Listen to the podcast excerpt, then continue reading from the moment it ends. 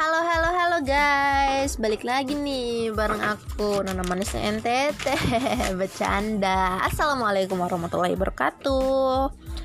Nah sebelum ke topik pembahasan Aku mau ke poin dulu nih Keseharian teman-teman di tengah-tengah pandemi saat ini. Gimana? Jawabannya nanti ya pas ketemu. Pokoknya yang terbaik lah untuk teman-teman dan sahabat semuanya Semoga kesehariannya menyenangkan, tetap jaga kesehatan dan tetap stay at home ya supaya bisa juga stay with me. Dan semoga wabah ini cepat berlalu ya teman-teman. Nah, di podcast kali ini aku akan sedikit berbagi pengalaman kepada teman-teman dan sahabat yang ingin lanjutin pendidikan di perguruan tinggi. Berhubung aku ambil jurusan komunikasi penyiaran Islam di salah satu kampus negeri, tepatnya di kota Makassar, yaitu Universitas Islam Negeri Alauddin Makassar. Mungkin teman-teman yang lain udah pada dengar nih. Maka aku akan sedikit bercerita tentang pengalaman selama belajar di jurusan ini. Pertama kali banget masuk kampus ya pasti ngerasa minder kan karena emang aku bukan dari Sulawesi loh teman-teman dan kebanyakan anak-anak yang kuliah di sini itu asli Sulawesi semua.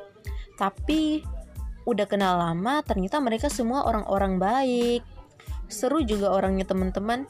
Nah, kalian bagi kalian yang takut untuk ngelanjutin kuliah di Kota Makassar karena isu-isunya Kota Makassar adalah tempatnya kriminal kan. Hmm, jangan takut ya, itu nggak benar atau sering dikatakan itu hoax. Apalagi kuliah dan ambil jurusan komunikasi dan penyiaran Islam. Bagi kamu yang punya basic berbicara atau punya vokal improv yang bagus, Aku saranin masuk di jurusan aku nih, komunikasi penyiaran Islam. Di jurusan ini kita dilatih untuk berani berbicara depan media ataupun banyak orang. Mental, communication, semua kita diasah di jurusan ini teman-teman.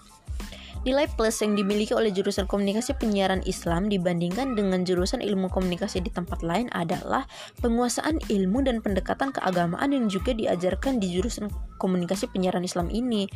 Nah, mahasiswa di sini diberi bekal perspektif keagamaan yang sangat bermanfaat, baik untuk kehidupan pribadinya kelak maupun untuk studi dan karir ke depannya, sehingga lebih mampu memahami objek studi di Indonesia yang berpendudukan mayoritas Islam. Studi di jurusan komunikasi penyiaran Islam ini diorientasikan kepada dua konsentrasi loh teman-teman yaitu jurnalistik dan broadcasting. Nah, yang pertama kita bahas konsentrasi jurnalistik diarahkan untuk mencetak alumninya menjadi seorang wartawan handal, wah wah wah, praktis media ataupun analisis media massa. Sementara konsentrasi broadcasting lebih diarahkan menjadi sarjana yang handal dalam bidang penyiaran baik radio maupun televisi. Aduh, siapa sih yang gak mau jadi sarjana yang handal di bidang penyiaran itu?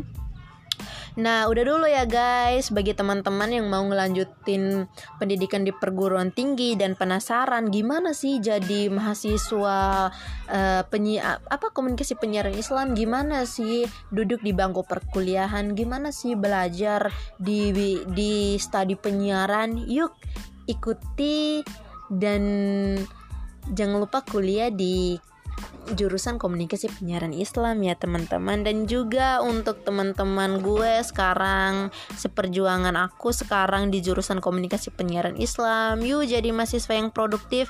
Bucin dikit juga nggak apa-apa. Nah udah dulu ya guys. Thank you. Wassalamualaikum warahmatullahi wabarakatuh